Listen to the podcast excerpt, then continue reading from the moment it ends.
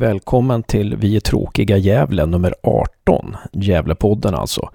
Den här gången så innehåller podden Josef och Hasse på turné. Vi åker ner till Varberg och ser matchen på plats. Snackar med Poja, pratar med Jörgen Wålmark, tränare för Varberg och pratar även med Piotr Johansson innan Gävlebussen går vidare mot Gävle. Sen vi spelade in den här podden så har Gävle gjort klart med två nyförvärv. Först är det Yassin Hosni som kommer från Haninge, tillhört Hammarby förut och har provtränat med GIF och har spelat även träningsmatchen mot Degerfors. Eh, det sades att han inte skulle gå till Gävle utan att det var en spelare för framtiden och jag och Josef tror att det var lite förhandlingsteknik för att kanske få ner priset på Yassin. Vi vet inte, men det är våra spekulationer. Eh, vi hälsar hur som helst Yassin Hosni välkomna till oss. Sen har man även värvat Juan Diego Guterres från danska Vejle. Eh, en peruan med stora meriter från eh, den latinamerikanska amerikanska ligan och eh, vi spånade just jag och Josef om det skulle kunna vara en afrikan eller latinamerikan som var på väg i och med att Poja sa på eh, efter Varbergsmatchen att eh, den nya offensiva mittfältaren kanske inte skulle hinna bli spelklar till gais matchen nu på lördag. Men eh, naturligtvis så hoppas vi även på en anfallare den här veckan. Eh, vi behöver ju ersätta Oremo till gais matchen nu på lördag och vi räknar med att Gävle knyter till sig en forward vilken timme som helst nu. Ja, eh, vi vill också passa på att pusha för Sky Blues-dagen som inträffar nu på lördag och vi hoppas att alla ni blir medlemmar i Sky Blues. Det kostar bara 100 kronor per år och eh, att ni deltar i Sky Blues-dagen som avslutas då med match mot Guys och eh, förhoppningsvis segerfest efteråt. Eh, men CI Blues-dagen börjar 9.30 på Nynäs IP och 10 12 så spelas en eh, supportermatch, eh, fotboll då. Och sen så blir det lite lunch och sittning på Gavlegrillen i Sätra. Gavlegrillen ligger ju precis intill Gavlevallen. Ligger i korsningen där mellan Sätrahöjden och eh, Gavlehovs... Eh, Gavle, Sätrahöjden och Gavlehovsvägen tror jag den heter. Så precis, ja, ganska nära GTK-hallen där.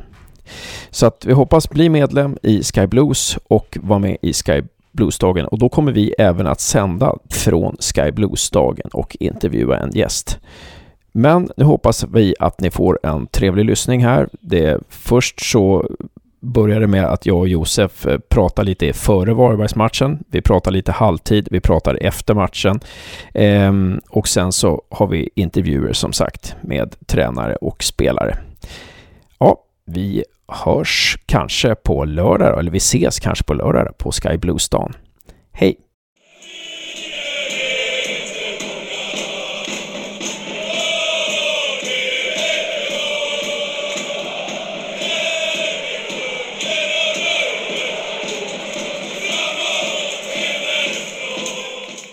Då sitter vi här på Påsbergsvallen. Jag heter Hasse Karstensen. Och jag heter Josef Karstensen. Och eh, vi har tagit oss ner till Varberg då för att eh, se den här matchen. Eh, ännu en ödesmatch för Gävle IF, den sista matchen i den första omgången. Och det är Varberg som står för motstånd. Vi har pratat lite med Per Asp innan och eh, han trodde inte att han skulle spela. Det gör han inte heller. Han sitter på bänken idag. Eh, och eh, vi, vi, kan väl börja med, vi har lite mm, funderingar här, men vi kan väl börja med Gävle startelva då. Som, eh, hur funderar du kring den eh, Josef? Jag spekulerar i det att, eh, ja, att vi ställer upp med 4-4-2. Vi får väl se hur det blir sen. Att vi kör med Strömberg i målet, vi kör Lans, Rauschenberg, Björkman, Portin på backen. Vi kör Lanto, Makondele och Piotr och Christian Ljungberg eh, Eh, på mittfältet och sen så forward Ciuccio och Adam Bergmark Wiberg. Eh, håller du, går du emot någonting där Josef? Uh, nej, jag håller helt med. Det är väl att vi har lite olika funderingar på, på vart uh, Ljungberg exakt kommer spela. Om det är att han får spela innermitt eller om det är yttermitt han kommer hamna. Jag tror ju innermitt men enligt uppställning så ser det ut som att han hamnar på yttermitten. Ja, och jag, ja precis. Och det är ju, jag, jag, I och med att de flesta som har sett Gävle träna har sett att Makondela har spelat inner mitt och jag tror inte att Poja vill förändra för mycket. Eh, det som gör att vi tror att de spelar 4-4-2 det är ju det att Poja pratade speciellt med Chucho och eh, Adam Bergmark Wiberg före, eh, ja, eller, ja, före värmningen här och instruerade dem väldigt noga. Och, och, så det tyder ju på att de bildar ensamt då anfallspar. Um, men uh, du köper det också Josef? Att ja, det, absolut. Att det stor, min stora tanke är att nu har Ciuccio sin verkliga chans. Det här han har väntat på att få för att kunna få, uh, få grepp om en startplats kanske. Mm. Precis, en viktig match borta och han startar och han startar som forward och han är ju forward. Han har ju spelat hela sitt liv forward. Vi har ju följt honom sedan han var eh, sju, åtta år gammal ja. och eh, ja, han har alltid sett honom som forward och, och eh, det verkar som att eh, antagligen att Poja också gör det. Ciuccio har ju faktiskt gjort mål mot Varberg tidigare i Svenska Cupen 2013. Just det. Om jag inte har fel. Ja. Så gjorde han 2-1 i 91 minuten.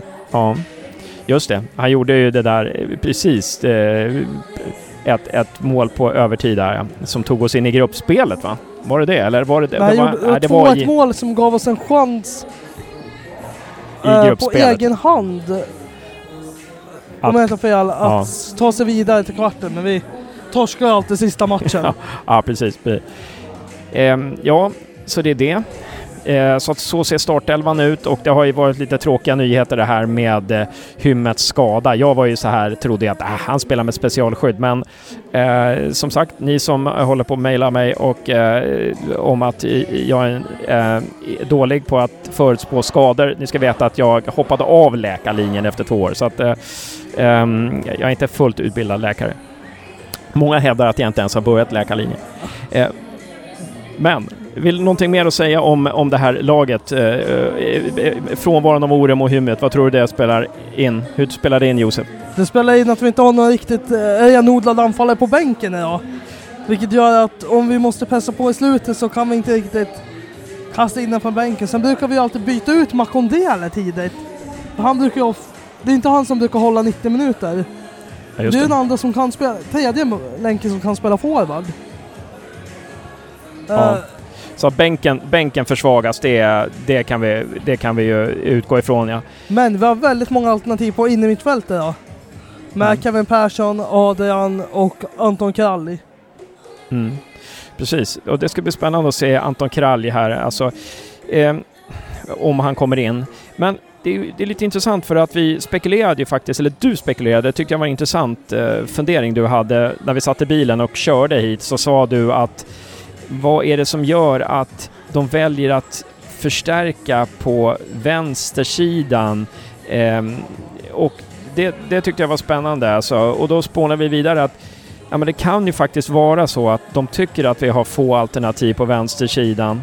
Eh, och att eh, vi, vi, behöver till exempel att eh, det behöver en mer rörlig, eh, rörlig vänstermittfältare eh, som kan samspela med Loic Kangas. För det är ju faktiskt så att när vi anfaller så anfaller vi nästan bara på högerkanten. Jag har för mig att Poja har sagt i en intervju tidigare att de vill ha in en vänsterfotare så man kan variera upp spelen. Mm. De har ju ingen in, en mittfältare med vänsterfot, om Nej. inte Louis säga. Nej. Så nu får de ju ett alternativ till.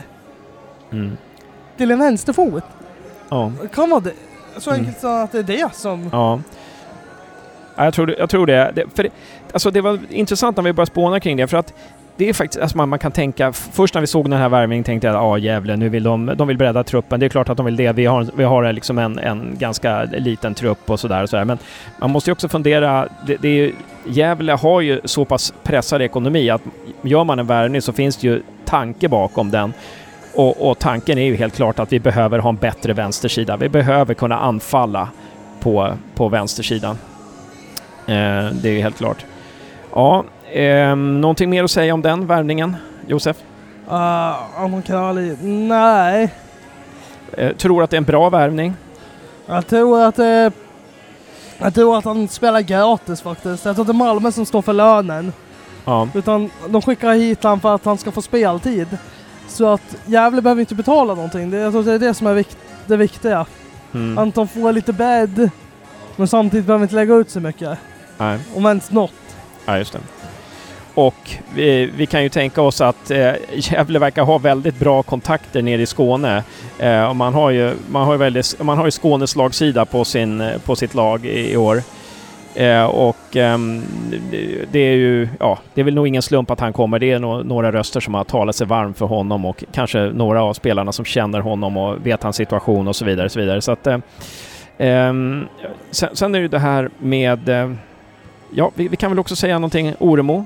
Du såg Oremo på stan i Halmstad igår va? Ja, stämmer. Eh, han var lite stressad. Han gick runt i en uh, ljusblå vitrandig tröja på stan. Så det är väl någonting i alla fall. Ja, han går fram och hälsar han lycka till i Halmstad. Men han stressade iväg så han tackade bara och gick vidare. Ja, inte. tror att han var uppe i sin, uppe i sin bubbla och var inte beredd på att någon skulle gå fram till han. Nej, precis. Men, men det var kul att se honom på stan eh, i Halmstad. Men Sen kan jag flika in Amadou Javo som det har ryktats om.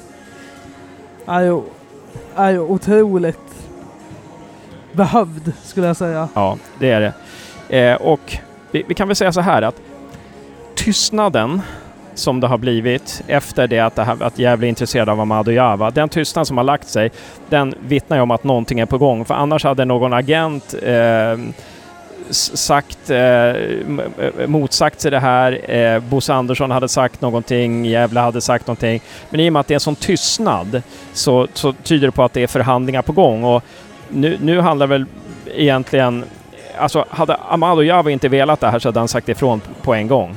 Eh, och eh, nu handlar det nog enbart om det finansiella, om man kan lösa det finansiella.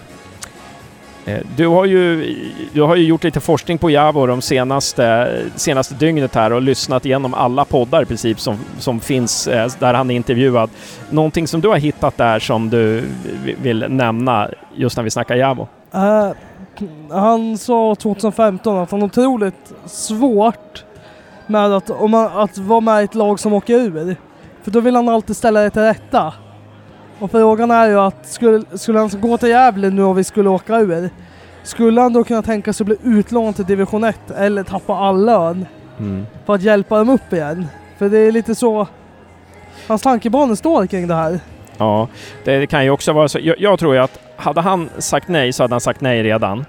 Men jag tror ju att eh, när det gäller Javo så, jag tror att det handlar om kontrakt, jag tror att det handlar om eh, låna eller eventuellt eh, eh, lösa.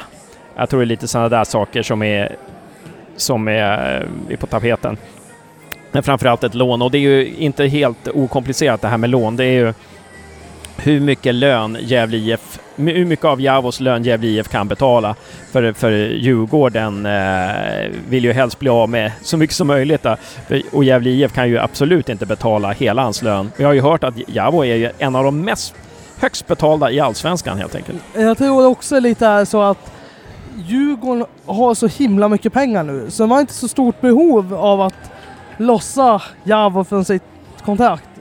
Nej, jag, tror, jag hoppas och tror att de värdesätter mer att han ska få speltid.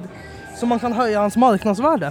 Mm. Eh, för om man kollar, de är på väg att köpa loss Engvall nu för mellan 8 till 10 miljoner. Ja. Då har man absolut råd att stå på Javos lön. Mm. Och eh, det är väl också så att, att, att eh, Javo spel, var ju faktiskt inhoppare senast. Och är det så att eh, de, de kommer ju inte göra sig av med honom om de vet att de kanske behöver honom under hösten. Jag tror att de inte kommer göra sig av med honom förrän de själva har fått in sin ersättare. Ja, just det. Så kan, Men det kan mycket väl vara så att de, får, att de, blir, att de gör sig av med honom ändå. mm. Grejen för- Ja, För att de vet att de kommer, kommer få in en ersättare och att det skulle vara snopet om då Gävle går och värvar en annan anfallare för Djurgården. Mm. Och så Gävle går in och värvar en annan anfallare Mm. och Djurgården värvar in Engvall. Ja. Och så sitter de där på ett dyrt kontrakt med Javo. Ja. Men vi behöver ju en forward till, eller hur? Det är ju, det är ju så att vi måste ha en forward. Det räcker ju inte med, eh, med Javo inte. Eh, och eh, har du någon namn där som du har funderat kring som skulle kunna vara möjliga? Nej, faktiskt inte. Jag var så insnöad på Javo hoppas att det löser sig. Ja. Ja, det ska bli spännande att se. Det kanske blir ännu en, en, eh, en Malmö-spelare, vem vet, som kommer in på lån. Eh, ja, men då går vi tillbaka till, och sen behöver jag in en central mittfältare också. Eh, men eh, då går vi tillbaka till dagens match. värmningen det är nu 21 minuter kvar till avspark på Påsbergsvallen här och eh, den Påsbergsvallen består av två stycken läktare, en på vardera långsidan. En, en huvudläktare med sittplats och en på motsatt sida med bara ståplatser. Eh, Varbergs startelva, är det någonting vi ska se upp med här i den här eh, startelvan? Ja, Ask på bänken. Nej, men de har ju fått in eh, Gustav Berggren från Häcken. Det är väl det man ska se upp med kanske. Mm. Som men, startar på höger mittfältet. Men samtidigt så vet man inte riktigt hur mycket de har att ge Nej. idag i och med att det är en ny klubb. Ja, Silverholt vet jag inte, han är Jag vet inte heller. Vi, vi kanske ska sluta prata om det snart, eller bara visa vår okunskap här. Men ähm, ja, Eh, Varberg har vunnit fyra matcher i år så det, och de ligger ganska långt ner i serien så de har inte rosat marknaden. Eh, å andra sidan är det ju någonting som vi inte har gjort heller. Och vi vet ju att vi har förtjänat poäng i många matcher där vi eh, har eh, inte har tagit poäng så det kan ju mycket väl vara så med Varberg också. Ja, nu håller Gävle på och värmer upp här och eh, vi gör så här nu att vi eh, återkommer när det är paus och kommer med våra funderingar då. Ja, då är det andra halvlek mellan Varberg och Gävle IF. Det är den 22 juli 2017. Och eh, vad säger vi om första halvleken Josef? Du upptäckte precis någonting här när det gäller avbytarna. Ja, det är halvtid och eh, då står avbytarna ute på planen och värmer upp. Och eh, Louis Kangas var inte med i början på uppvärmningen så jag misstänker att eh, han kommer bli inbytt nu istället för Jens Portin. Uh, just Portin som uh, Varberg springer åtta runt. Ja. I och med att de går, anfaller gärna på hans kant och han är... Hans snabbhet... Han är inte med i tempot helt enkelt. Ja, precis. Ja, det, är, det är det mest frapperande från första halvleken att de utmanar. De ser ju att det där finns en, en, eh, en brist i Gävles eh, uppställning helt enkelt. Att eh, Portin hänger ju inte med. Det och de anfaller ju hela tiden på Gävles vänsterkant. Eh, och eh, För, ja, men... Eh, jag tycker det är lite frustrerat idag också att vi kommer inte till några lägen. Vi, vi, många uppsp alla uppspelen ska gå via Piotrs kant. Mm. Därför behöver vi in en ny spelare här på vänsterkanten så att vi får fler alternativ till uppspel. Mm. För att när väl bollen går ner till Piotr så har vi inga, inga spelare i straffområdet. Mm. Vi har ju varit tillbaka tryckta då och då och ofta sorterat ut det bra, men det har hänt några grejer. Vi har tappat någon bevakning av... Vi har haft lite tur med oss. Studsarna har gått precis utanför. Eh, sådär. Eh, I och för sig så tycker jag lite att Varberg söker frisparkar utanför straffområdet för att kunna utnyttja dem eh, på, på sina eh, långa toppar där, men eh, ja, jag, jag, tycker de faller lite lätt, men, men ehm, de, ja, de är bra på fasta i straffområdet helt klart och där har vi lite problem. Piotr har rensat på mållinjen en gång. Det Gävle skulle behöva bli bättre på det är väl att ställa om ordentligt. Att man, när man får hela laget på rätt sida, eller när man får bollen rättvänd, att man då sticker och gör allt, allt sin makt att komma framåt. Mm. För just nu när vi vinner boll högt så kan det vara att man stannar upp och passar tillbaka ja. eller ja, precis. bara att man vill vara, be vara bekväm med boll. Det går lite mer på instinkt, det måste gå lite mer på one touch alltså. Det, det, även avsluten, Makondela har haft två lägen att skjuta direkt i straffområdet men ena gången han passat och andra gången skulle han lägga den till rätta och då mynnar chanserna ut. Men vi, alltså trots allt, med tanke på att vi har både Hymmet och Oremo borta, så, så tycker jag att vi gör det bra. Eh, men man märker ju alltså att att Ciuccio har lite dåligt självförtroende. Tänk om, om Ciuccios självförtroende bara kunde få sig en pepp upp och så ser man... Han har ju kvaliteter inom sig alltså. Um, men, men, men Han blir lite ja. Gärnt-effekt där. När han får göra sitt första så kommer det släppa. Ja, jag hoppas det alltså. Eh, Ljungberg har varit en klar plusvariant. Makondela har varit en klar plus, plusvariant i första halvlek. Piotr har jobbat hårt. Eh, och sen får vi säga att backlinjen också har, har, har, gjort så gott de kan. Men som sagt, Piotr, eh, Portina har problem. Adam Bergmark Wiberg och Ciuccio har ju jobbat kopiöst men inte fått ut så mycket. Adam Bergmark Wiberg har dock haft vår bästa chans med ett skott utanför vänsterstolpen. Eh, och det är ju sådana chanser som vi behöver sätta om vi ska liksom, kunna komma ur den här knipan. Nu ser vi att eh, Portin, Portin är kvar på plan. Portin är kvar. Men det skulle kunna bli ett byte det, ganska var, snabbt. Hade vi haft uh, hymmet idag så tror jag att vi hade kommit till bättre avslut. Mm. Helt enkelt. Då hade vi varit kliniska. Det är, ja. Man har inte den där tyngden uppe Nej. på topp som vi ja, behöver. Precis, precis. Uh, Däremot, nu har andra halvlek kommit igång här. Eh, däremot så har eh, vi pressat väldigt bra och eh, de, eh, Varberg har faktiskt spelat, spelat eh, bort sig några gånger där. Eh, nu är det återigen Portins ja, kant, där, där, det är, där det är problem. Eh, och eh, Varberg får ett inkast. Eh, eh men vi ska, Florén värmer också upp och även eh, Kralj. Så vi får se att, om det händer någonting på Portins vänsterkant. Men ska vi ge oss vi ger oss nu, för annars ja. kommer jag bli stirrig. Ja.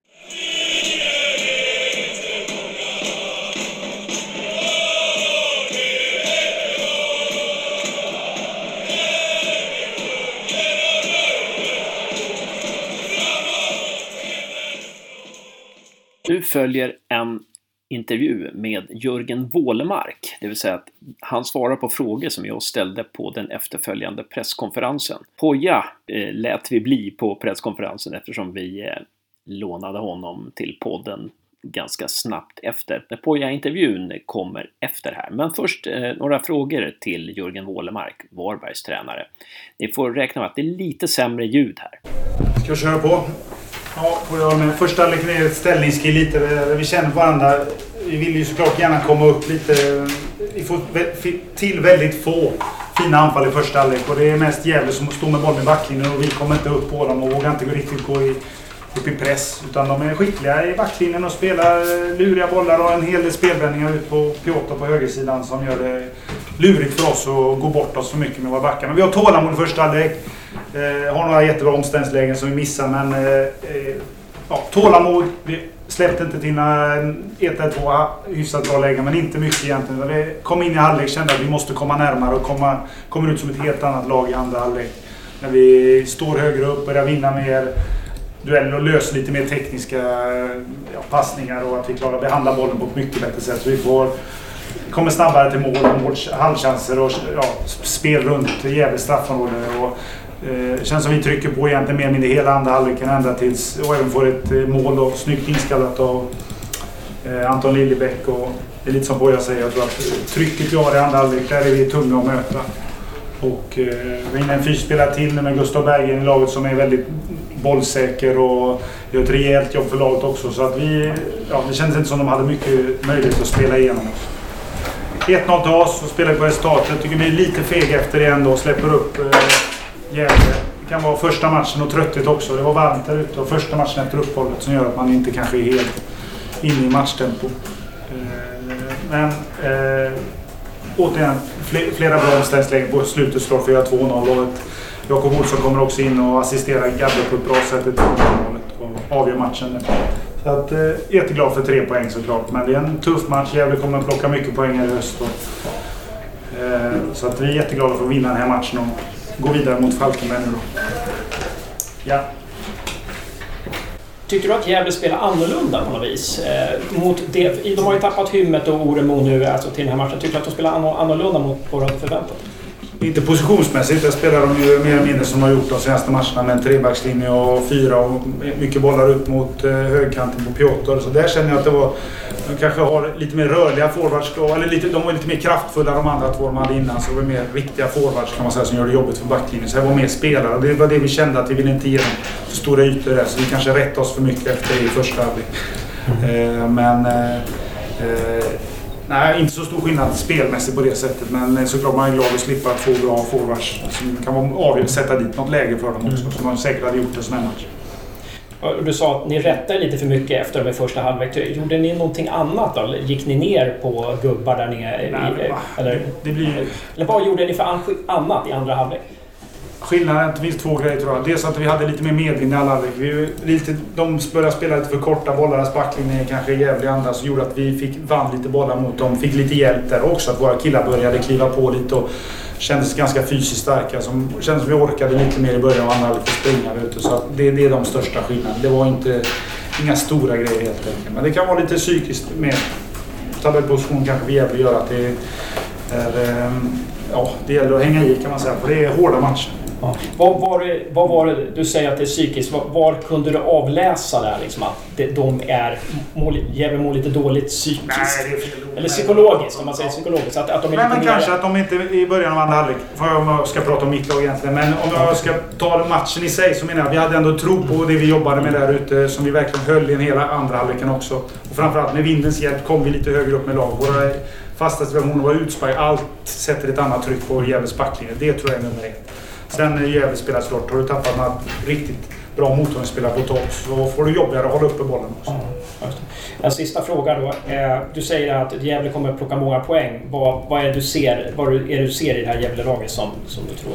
Jag tror att de kommer göra det för att de har moral. De jobbar hårt där ute och det är rutinerade spelare. Så jag tror att de... Eh, de Poja har fått jobba med dem ett litet tag. Tog en jättestark seger mot ett svårt Trelleborg borta och var bättre än Åtvidaberg hemma vad jag har sett på videon. Och jag tror att får de bara ja, spelat ihop sitt lag ordentligt och under Pojas ledning så kommer poängen ramla mm. Tack. Tack. Mm. Ja, då sitter vi här i pressrummet. Eh, jag och Josef och Poja Asbaghi direkt efter, eller nästan direkt efter matchen och eh, mot Varberg. Och, eh, ja, 0-2. Du, var, du var rejält knäckt mot Åtvidaberg senast alltså. Eh, hur känns det efter den här matchen? Det är väl en annan typ av match på det sättet. Eh, jag var knäckt efter Åtvidaberg för att det var en sån otrolig dominans och ändå få lämna med noll poäng kändes riktigt surt. Och dessutom visste man att det var ett uppehåll som väntade så det dröjer ett tag innan man får ta sin revansch i tävlingsmatch. Idag är det inte riktigt likadant. Idag känner jag såklart att vår första halvlek är riktigt bra. Eh, men i andra halvlek så, så står vi inte riktigt upp så som vi ska göra. Eh, och eh, samtidigt så är det bara ett par dagar kvar till nästa match så att jag har nästan redan nu fokus inställt på den. Det är, det är intressant, för det sa du på presskonferensen också, att det andra halvlek står ni inte upp. Kan man peka mer exakt, vad är det ni gör i första som ni inte gör i andra? Jag tycker vi följer matchplanen till punkt och pricka i första. Vi visste att Varberg är ett lag som är otroligt vassa i sina omställningar. Men för att ha de boll i backlinje och få bedriva en speluppbyggnad så är de mindre farliga. Eh, och det tycker jag liksom, det var exakt det som den första halvleken avslöjar. Att, att vi var otroligt trygga i vårt, i vårt eh, kollektiva försvarsspel. Och vi skulle liksom prata om i halvtid om att inte bjuda på någonting. Och sättet vi börjar på i andra, det är inte tillräckligt bra. Eh, sen tycker jag att vi blir hårt straffade såklart. Med ett hörnmål. Eh, och eh, sen efter det försöker vi, men det är där man känner av att... Jag tycker inte man känner av tapp av spelare om man tittar på första halvlek, men i underläge 1-0 så, så blir vi lite för... Så vi, vi blir inte så tunga som vi vill vara helt enkelt. Eh, runt deras box och i uppspelsfas. Vi får inte fast bollen på de sätten vi vill. Eh, och det tycker jag nästan syntes. Men jag tycker vi gör nästan allt vi kan idag. Eh, och vi behöver såklart bli bättre på att inte bjuda på så enkla hörnor som vi gör mot ett lag som Varberg. Så det är klart att det finns saker vi behöver bli bättre på. Men inte riktigt lika surt på det sättet idag. Och eh, ni, ni, ni startar ju utan Hymmet och Oremo då. Det är ju liksom två tunga spelare och 11 mål som du säger på presskonferensen. Eh, på vilket sätt fick ni eh, Ja, det är ju klart att ni fick formera om lag, men på vilket sätt fick ni ändra anfallsspelet när de var borta? Ja, men det är en bra fråga. Det, det är väl så här, först och främst kan man konstatera att om man säljer en spelare och en annan blir skadad så är det inte det hela världen för ett superettanlag.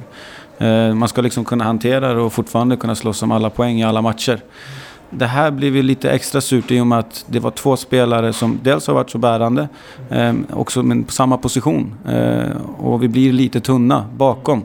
Hade det varit två spelare som fortfarande var bärande med två olika positioner, då blir inte tappet såklart eh, lika kännbart. Eh, men trots det så tycker jag att vi spelar efter de förutsättningarna vi har. Och har man en spelare som Oremo eller har man en spelare som Dennis Hymmet så kan man använda sig såklart mer av ett, ett rakare inläggsspel. För man vet att får Oremo ett inlägg så kan han slå sin gubbe. Riktigt de spelartyperna hade vi inte idag. Så vi var ju tvungna till ett annat typ av spel. Och vi försökte det och vi ska bli bättre på det. Men man såg väl att vi har en bit att jobba på lite mer spel eh, ut efter marken, lite mer kanterna och så här. Nej, kanske inte riktigt äh, spel efter marken i uppspelsfas idag. Med tanke på motståndet, med tanke på, på den matchplan vi hade. Men framförallt när vi får fast bollen i offensiv tredjedel att, att eh, vi kan inte förlita oss på lika mycket på ett, liksom ett, ett rakt inläggsspel utan det kanske handlar om att kombinera och hitta vändningar. Och eh, vi gjorde det stundtals i första. Vi skapade två riktigt bra lägen när vi får snett. Och det är lite sådana anfall vi pratar om. Eh, och vi skulle behövt göra mer för att kunna vara så bra som vi vill vara idag. Men bara fortsätter vi jobba på det så kommer det komma. Jag tänker lite egoism, alltså lite mer ego, alltså Makondele fick ett läge där han skulle kunna dragit iväg en tåpaj i det läget istället för att flytta till andra foten. Alltså lite mer sådär, eh, liksom gå före. Låt inte någon annan ta ansvar. Nej. Jag kan lova att det är lätt att säga så. Jag förstår vad du menar, men det är lätt att vara efterklok och säga till René, varför skjuter du inte där? Eller mot Åtvid, varför knorrar inte du bort den i krysset? Eh, men man kan väl säga så här att i medgång också, då kommer de sakerna gratis. Eh, och vi har haft små sekvenser av medgång, en vinst sådär, men jag är rätt så säker på att vi kommer få kontinuerlig medgång. Och exakt samma lägen som vi nu pratar om så, så är jag rätt så säker på att de sitter. Eh, så att, det är jag inte orolig för vänsterkanten där, alltså vi hade ju lite problem med deras... Eh, för de anföll väldigt mycket på vår vänsterkant och Portin var ju... Alltså han har andra kvaliteter men han är inte världens snabbaste spelare. Eh, det, det, fanns ingen tanke där på att liksom köra Loic Kangas från start istället för Portin där. Ja, men på, ja, Jens har ju rutin och han ger oss ett fysiskt spel och vi visste att så länge vi ligger rätt och inte bjuder på omställningar, då utsätts inte heller Jens för snabbheten. Utan då utsätts han för det tyngre spelet, det rakare spelet och där slår han sin gubbe. Eh, men lite som du är inne på, blir det så att vi tappar boll rent, att vi från ingenstans liksom försöker sticka in den till en fältare som inte riktigt har tid och vi tappar.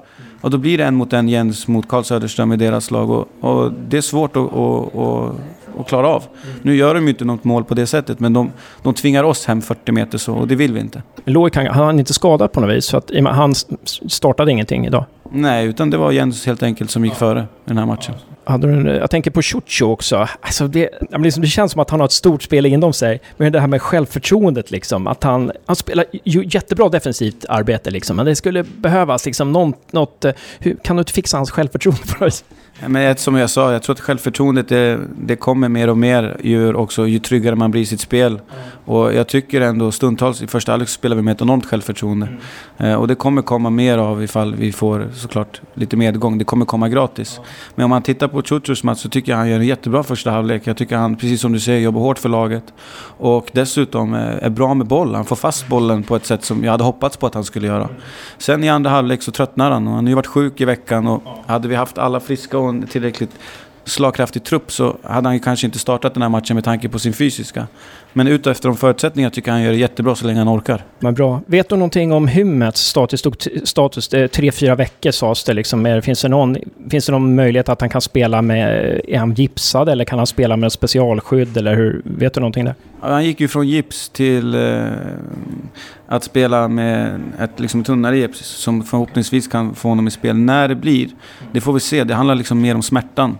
Mm. och jag kan bara säga så här att hade det varit någon spelare med, med eh, lite sämre psyke eller lite mindre vilja, då pratar vi minst en månad. Mm. Men jag är optimistisk för att jag vet vilken vinnarskalle eh, och vilket jävla hjärta som ändå Hymmet har. Så att om det blir tidigare är det bara för att han känner att han ska trotsa det.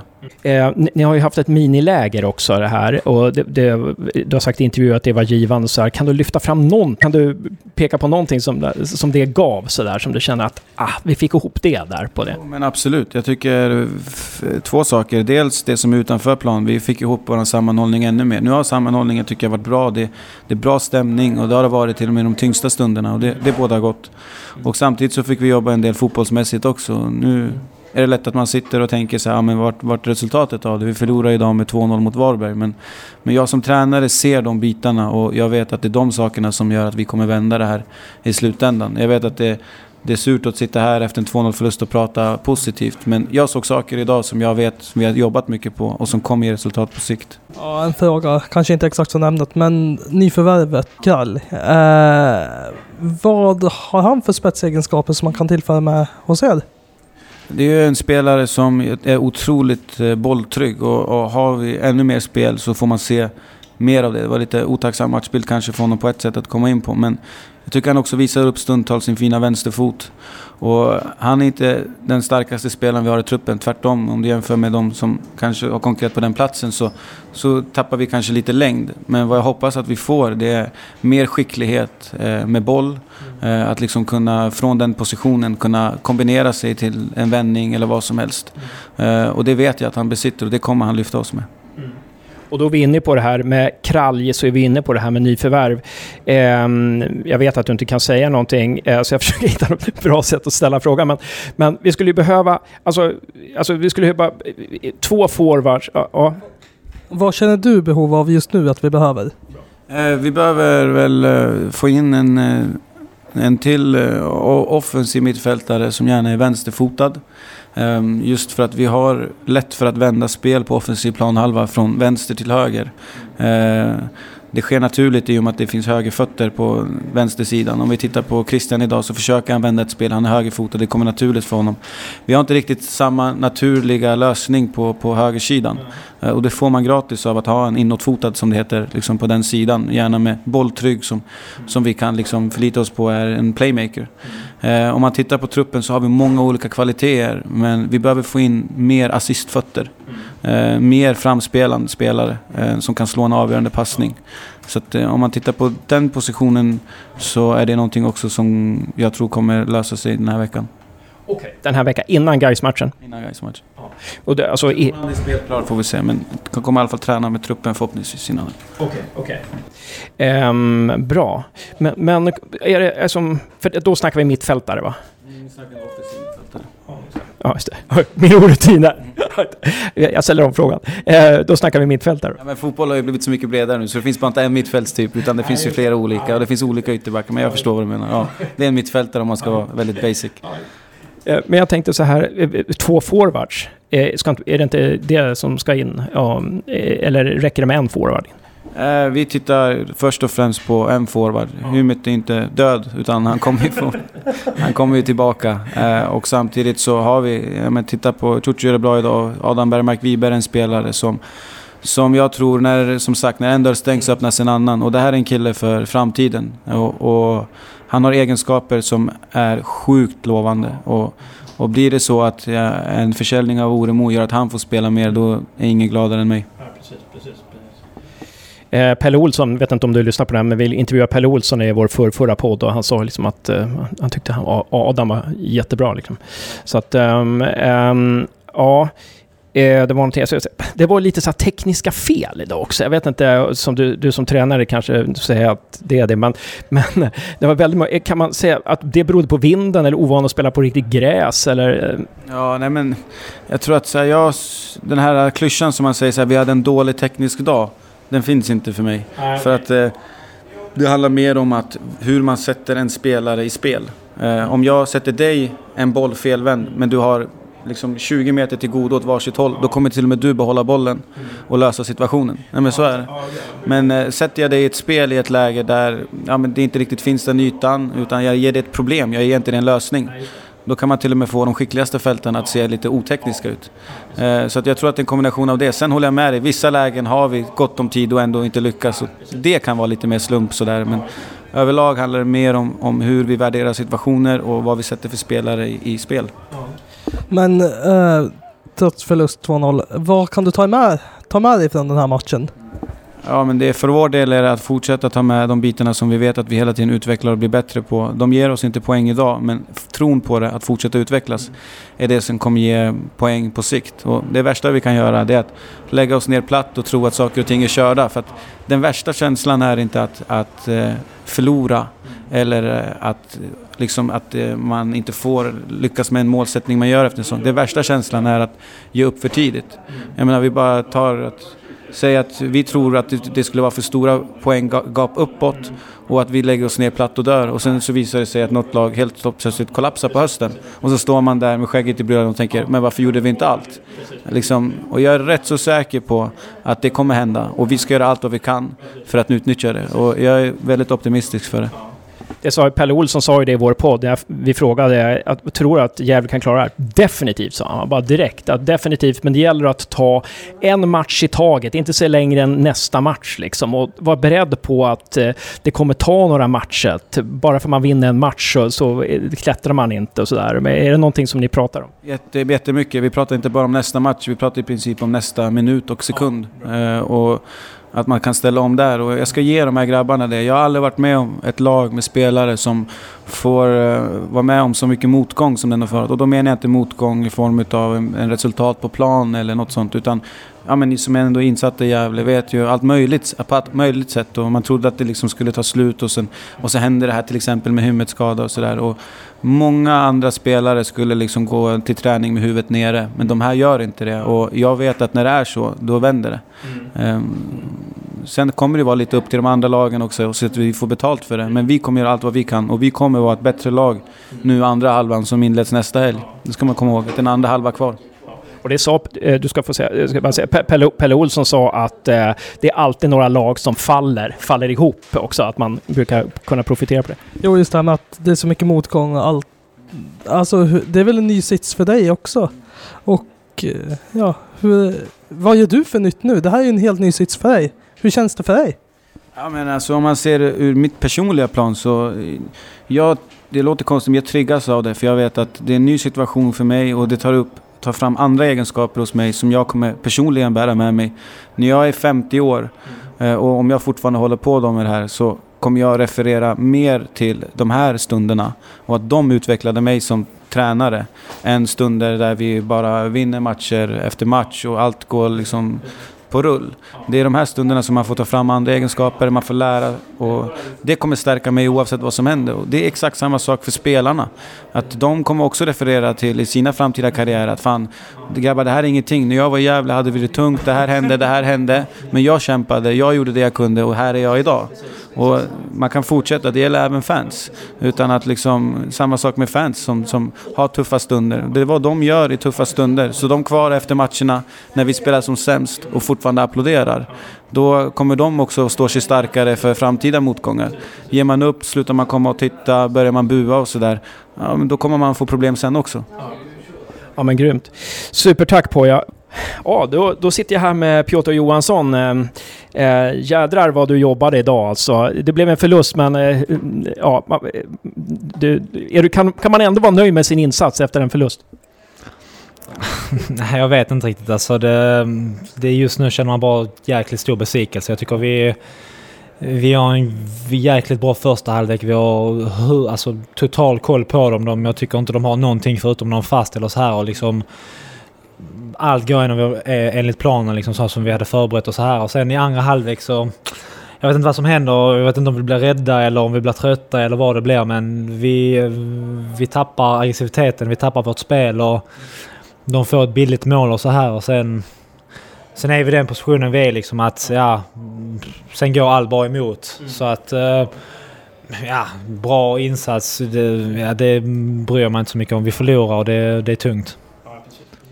Men det, det är intressant där att, att det hände någonting mellan första och andra halvlek där. Alltså det... det eh, tror, tror att eh, tror att det berodde mycket på, om de inte hade fått 1-0, så hade ni kunnat vända tillbaka initiativet? Eller var det någonting som ni inte... Ni blev inte tillräckligt aggressiva där? Liksom, eh, bara, eller var det någonting mer? Alltså jag tycker som jag sa att alltså vi har ju... Det är inget dåligt lag vi möter. Alltså vi vet att de har duktiga spelare. Och vet, vi, vi vet att de har duktiga kontringsspelare. Så att liksom... Det är ju svårt, vilket lag det än är, om det är Barcelona eller om det är Real. Liksom, det är svårt att liksom pressa ner ett lag alltså, i 90 minuter. Alltså det andra laget kommer för en period. Och eh, den perioden de fick, den kvarten där första, i början av första halvlek, gör de mål. Och sen är vi som jag sa, liksom, vi är i en ganska tråkig situation. Och liksom, det blir eh, inte så här liksom, det är eh, omedvetet liksom, man hänger kanske lite med huvudet. Det blir jävligt tungt och liksom, det blir liksom mycket flashbacks från våren liksom att mycket går emot och sen liksom, ja, vi försöker. Vi får ändå lite tryck där i sista tio men... Men ja, de gör ju 2-0 och sen är matchen slut ju men... Ehm, så att... Mm. Hur, det är intressant med din roll, för du har ju fått en mycket mer betydande roll känns det som under Poja här. Kan du liksom eh, förklara lite hur din förändring, hur, vilken roll du hade under Thomas och vilken roll du har under Poja? Alltså, det är väl ganska um, solklart. Liksom, Thomas spelade vi lite mer fyrbackslinje och jag var mer ren ytter liksom så här. Och nu, eh, nu är jag mer um, yttermittfältare, eller eh, wingback liksom. Jag är både ytterback och yttermittfältare så att um, större ansvar liksom både offensivt och defensivt men ja, jag har hela kanten själv. Så att eh, nej, jag, jag trivs hur bra som helst i den positionen och liksom ja, får mycket boll. Fick det i alla fall i första halvlek så här och skapar lite och så här så att ja, allt kan bli bättre. Ja, jag fick mitt svar på frågan. Ja, han fick sitt svar. Ja, just det. Ja, men för, för att, eh, det känns som att du har ett väldigt ansvar i anfallsspelet. Många bollar går ut på dig. Är det någonting som du känner också? Alltså ja, det är klart. Alltså, vi, vi vet att, eh, ja, att jag är ett jäkligt farligt anfallsvapen så det är klart liksom, vi vill an, an, använda det. Och, ja, ju mer boll jag får ju, och ju mer ansvar och allt så här liksom offensivt och så här, ju roligare är det liksom. Jag är offensiv spelare, jag älskar att ha boll och anfalla så att eh, det passar mig hur bra som helst. Och, ja, så att eh, ja, det är klart att man har det. är det någonting liksom, ni, ni, som du tycker som ni gjorde dåligt i den matchen, som, som att ni bör göra annorlunda till guys matchen Någonting som ni behöver utveckla lite för att bli ännu bättre? Alltså jag tycker, sen vi fick Poja här nu, alltså vi har gjort väldigt många bra matcher. Det är kanske TFF borta, men den vann vi ändå där vi liksom... Där vi blev väldigt pressade och ändå lyckas vinna och Degerfors andra matchen med Poja som... Ja, vi hade lite skador så här liksom. Ja, matchen... Vi förlorade 2-0 liksom. Det var inte så mycket att säga om det. Men, eh, men jag tycker att första matchen Örgryte gör vi jäkligt bra. Får ett kontring 1-0 och sen är vi tillbaka ruta 1 massa tankar från våren och liksom så här och liksom är svårt att resa oss. Åtvid sista matchen, förmodligen säsongens bästa match. Krossar dem helt om du frågar mig i 89 minuter. 89 för 50 sekunder om du vill. Och liksom kör över dem helt. Alltså det var som... Eh, eh, jag vet inte fan, Real mot Levante eller något sånt här. Det var, och sen liksom 1-0 kontring och sen liksom tillbaka igen. Men sen nu liksom, ja, kom tillbaka från uppehållet, liksom gjorde en stark match nu mot Degerfors, vann 3-1 och liksom ville bygga på här och vi började jäkligt bra. Men... Eh, men så att ja, liksom förändra till nästa match eller så här. Alltså det... Fylla på, och bli ännu tyngre i boxen liksom. Vi vet nu... Johan har försvunnit, liksom förmodligen lagets bästa avslutare. Dennis som är mm, tvåa i skytteligan i lag, eller internt, är borta så att mycket går emot oss om man säger så. Mycket går emot oss men eh, jag tycker ändå liksom det finns jäkligt mycket positivt. Vi spelar jäkligt, tycker jag, rolig fotboll. Jag tycker vi i första halvlek spelar vi som ett topplag. Om vi kanske skulle skapa något målchans till liksom. Degerfors senast spelar vi som ett topplag. Åtvid spelar vi som ett topplag. Så att det är jäkligt mycket positivt och liksom, det är jäkligt mycket positivt för fansen. Liksom de, det var ändå mycket här så att det var jävligt kul att se dem här. Och, om vi ska klara det så behöver vi deras stöd också och eh, jag är helt säker på att vi kommer klara det utan snack. En sista fråga då. Kralj, har du, känner du till honom någonting från din tid i Malmö FF? Um, ja, det är inte så att vi liksom så här, men eh, vi har spelat en del i u i Malmö och så här så att uh, jag vet vem det är. Jag sa liksom, ja, ung uh, landslagsspelare, hungrig spelare så att förhoppningsvis kan han uh, tillföra lite fart och fläkt på där han spelar. Så att, eh, nej men det... Det kommer lösa sig 100%. Vi behöver bara lite medvind och sen kommer resten komma. Det är jag helt säker på.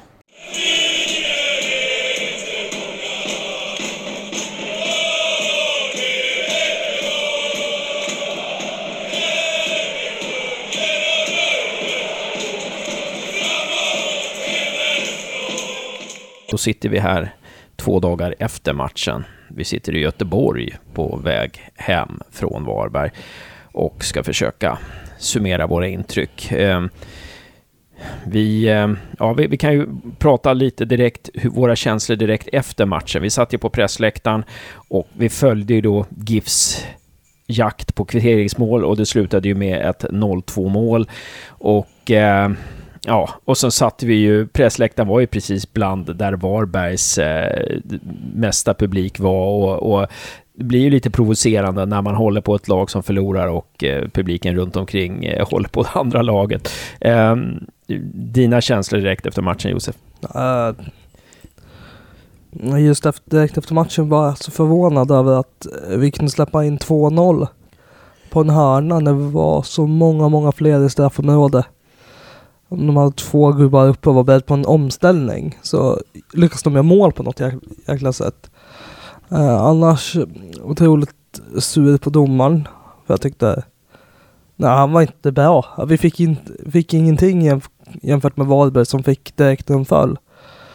Uh, eh, nu, det var synd för vi hade eh, en tunn bänk var känslan i och med att vi inte hade någon anfallare på bänken och om vi behövde gå framåt så hade vi ingenting att kasta in. Ja, det, det, var, det var ju, jag fyller på där, direkt efter matchen var det ju också, det var ju folk som noterade att vi inte var från Varberg och vände sig till oss så. eh, det var en man i, som var plus 80 någonting som stod och jublade. Och jag var på väg att säga okej, okay, Varberg vann, men jag kommer leva längre än vad du gör. Eh, någonting sånt där barnsligt. Men det gjorde jag naturligtvis. Vi satt på pressläktaren och vi uppförde oss. Men eh, Ja, jag var lite förbannad stundtals. Men då blev man tillsagd av far sin att lugna ner dig nu. Um, ja, precis. Uh, men, och det, du, du höll det ju bra där. En bra nivå. Nej, men jag, jag säger som du, att, att vi hade väldigt tunn bänk. Jag är lite förvånad att Louis Kangas inte kom in. Eh, Kevin Persson kommer in och gör okej, okay, men hinner väl inte uträtta så mycket. Men, men Louis Kangas är faktiskt en spelare med det där lilla extra som faktiskt kan bryta igenom, har en teknik och har, har ett självförtroende som några i laget inte saknar, till exempel Chucho och, och Kevin Persson, bland annat Florén eh, och så vidare. Så, så att eh, Ja, jag saknar honom där. Det kan väl vara tänkas att han hade varit sjuk eller att han var småskadad. Det, det kan, måste nästan ha varit så. Jag kan inte tänka mig någon annan anledning till att han inte kom in faktiskt. Nej. Ja. Jag, jag tänker helt enkelt att vart skulle vi ha spelat Louis Kangas? Det är det jag ser ingenstans vi får plats med när vi plockar in Anton Kralj. Uh, för han är ju också ute på, han tar ju vänster mittfältet för att få en vänster fot inåt i banan. Jag hade hellre sett eh, Louis Kanga centralt då istället för Kevin Persson. Eh, Kevin Persson var ju menat att han skulle gå upp på topp och hota. Mm. Och det blev inte så mycket hot där. Eh, men men eh, andra halvleken var ju en, det var ju en besvikelse, det får vi helt klart säga. Och, mm. det fick vi ju höra på presskonferensen också. Och här i intervjun så säger Pojare att eh, vi höll bra nivå i första halvlek och sa att vi skulle arbeta på och bygga på det. Och sen eh, så kommer Varberg ut som ett helt nytt lag andra. Det säger deras tränare på presskonferensen att de blev... Ja, de... De insåg att de hade gjort, att, att de hade gjort en sämre halvlek. Och började steppa upp spelet. Samtidigt var det en sjuk Ciuccio på topp. Mm. Det, det, är ju värt att notera faktiskt att Churchill kom tillbaka från sjukdom och inte var helt hundra där. Eh, och det är ju bara ytterligare ett bevis på att vi har otroligt tunn trupp. När Wålemark sa ju det på presskonferensen, det har ju ni redan hört som, som har hört inspelningen här, men han sa ju någonting där om att, att eh, som jag tolkade det, att, att de inte, insåg att de behövde inte ha så många eh, i försvaret. De kunde gå ner i försvaret och ösa, eh, fylla på i anfallet istället. Eh, och det sysselsatte ju Gävle IF otroligt mycket. Men, men vi, vi, vi, har ju en tunn trupp, det är ju inte... Det, det är ju bara så. Och, och det här med att Kralj, Anton Kralj kommer in, det är nog ett, ett gratis lån från Malmö. Det är nog bara en, en spelare som... Alltså, jag ska inte säga bara, han har ju bevisligen kvaliteter och MFF tror ju på honom stenhårt. Ehm, men det är ju en spelare som, som eh, naturligtvis ska till att bredda truppen, för vi har ju så tunn trupp att vi knappt kan bedriva vettiga träningar. Men nu måste vi in nyförvärv och, och, och i veckan som kommer måste vi in en forward. Och sen eh. skulle nu i veckan komma in en offensiv vänstermittfältare. Just det. Eh, det skulle det göra. Och eh, det ska bli spännande att se vem det är. Du hade ju, och det har spekulerats på forumet, och du hade ju också eh, sett där att... Eh, Anton Andreasson. Ja, har för mig. Men Anton Andreasson fostrad i Elfsborg, Stefan Andreassons son, som har provtränat med Jönköping och Jönköping sa att eh, han är inte avskriven. Eh, vi får se om det är no- en spelare som Gävle kanske kan tänkas ta. Men, men annars blir... Pojen lyfte också fram att när du sa att han kanske inte hinner bli spelklar ens mot guys. Mm. Och då måste det vara eh, alltså möjligtvis en utländsk för icke-EU-spelare som måste söka eh, arbetstillstånd för. Mm. Precis, det borde vara så. Och då, är, har, då är det svårt att spekulera vem det kan vara då. Men, men en latinamerikan eller en, en afrikansk spelare kanske. Eller en amerikansk spelare kan det också vara. Ehm, men det ska bli intressant att se. Så att då kommer in en offensiv mittfältare. Men som sagt, vi måste ha in en forward också. Det är ju så. Eh, Poja sa ju att hymmet, först var det spekulerades i tre, fyra veckor. Ehm, Det har gått tre veckor nu så att, och att hymmet kanske kan läka ännu fortare. Men Guys är väl utesluten. Det är väl kanske tidigast till matchen efter Guys. Vilken match det nu är. Är Eh, Värnamo borta? kan det kanske vara. Ehm, så att en offensiv mittfältare som Poja pratar om och sen så måste vi ha in en forward, så är det ju bara. Eh, det var ju lite spekulationer på forumet här i och med att eh, Javo inte var med i Djurgårdens match. Amado Javo inte var med i Djurgårdens match. Matchtrupp. Matchtrupp eh, mot Östersund senast på Tele2 så spekulerades i att han eh, faktiskt eh, kommer komma till Gävle. Vad tror du om det? Ja. eh, mycket möjligt, men det är ju helt dött. Man har inte fått någon kommentar från Lagerström eller, eller Bosse har inte gjort något mer uttalanden. ut- Utan det är helt dött. Man vet ju ingenting om vad som händer på Eh, Men är inte det, men är inte det en, en, ett tecken på att det kommer hända någonting då? Att Ja, helt dött? någonting kommer att hända, men vi vet ju inte om det är att Javo går hit eller om det är en annan anfallare. Nej. Jag trodde att Javo skulle bli klar innan matchen mot Varberg i och med att vi har ett sånt otroligt behov att få in en anfallare. Mm. Men därför blir jag mer tveksam på om det nu är han som kommer Mm. komma hit. Jag, jag tror ju då eh, att, ja, alltså, jag, jag tror ju att det blir Javo, men jag vågar inte säga att jag tror någonting längre, för jag är världens mest usla tippare. Ehm, så det är lika bra att jag säger att Javo inte kommer, då är det större chans att han kommer kanske. Ehm, men en forward och den här offensiva mittfältaren måste vara in nu i veckan, helt klart. Eh, någonting mer att säga om intervjuerna? Så, eh, som vi, vi snackade ju lite med, vi ställde, eller jag ställde en del, del frågor till Wålemark, Jörgen Wålemark, Varbergs tränare på presskonferensen. Och sen snackade vi med Poja och Piotr direkt efteråt. Någon reflektion kring deras uttalande som du tänker rent spontant sådär? Känns som att Wålemark var förvånad av att någon ställde så många frågor på presskonferensen. Det var tre pers där inne. Och han har nog aldrig varit med om att bli så utfrågad. Eh, Ja, precis. annars, jag hörde inte så mycket av Piotr i och med att jag var ute och intervjuade Poja då, och kom in sen. Och alla satt och väntade i bussen på att Piotr skulle komma tillbaka så jag fick ju släppa han hyfsat snabbt. Mm. Men det, det Poja sa det är att man kan vara otroligt förbannad efter matchen på att ingenting har fungerat. Och till exempel så ifrågasatte jag varför vi startar Portin istället för Louis ut på kanten. Men då motiverar han varför vi startar Jens Portin och då blir man helt plötsligt mycket lugnare. Ja. Han, han menade ju då att i, i, positions, i positionsspelet då så var, så var, så var, eh, eh Piot, eh, så var Portin eh, bättre liksom. Och, och de räknade inte med så många omställningar heller eh, mot Varberg.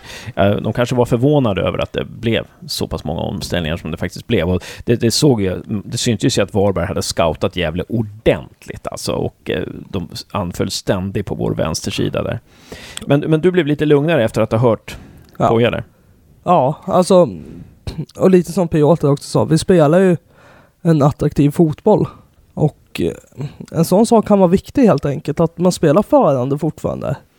Att man inte går ner på det gamla klassiska som Gävle brukar göra när man blir superdesperat efter poäng. För den här fotbollen kommer ge frukt. Eller bära frukt i slutändan. om det så är att man åker ur ett år och får göra som BP, att komma tillbaka och eh, dominera superettan sen. Det, det är vad jag tror. Att, att det kommer ju vända till något positivt till slut. Mm. Och frågan är när det vänder då? Ja, men jag tror inte att det kommer ta till omgång 29 och vi vinner med 8-0 mot Helsingborg utan det kommer nog snart, om det är guys match eller match efter det, det, det handlar om hur många spelare vi har slagkraftiga. Mm. Ja, precis. Eh, det, det är kul att höra det, Josef. Men, och, och, och det var kul att höra spelarnas och tränarnas optimism efteråt. Eh, och man kan kalla den naiv, men, men det märks att de tror på den. Eh, och eh, det, det, känns som att det, det kommer hända någonting där. Men som sagt, vi måste få in fler spelare. Truppen är alldeles för tunn eh, tills vidare. Ett, ett, um, ett tema för eh, kommande podd kan faktiskt vara att fokusera lite på eh, division 1-lag, eh, kanske division 1-lag som har vänt. Kolla med Trelleborgs ledning till exempel. Hur, hur formerar man om i division 1? Hur för, utvecklas, hur, hur, hur, pass, hur blir ekonomin när man går ner i division 1 och hur får man tänka för att eh, komma tillbaka i, i finrummet igen och så vidare. Och så vidare. Eh, det är ett perspektiv vi kanske måste ha. Ja, Josef, men eh, då ska vi ge oss härmed. Ja, det låter bra. Bra jobbat! Tack detsamma.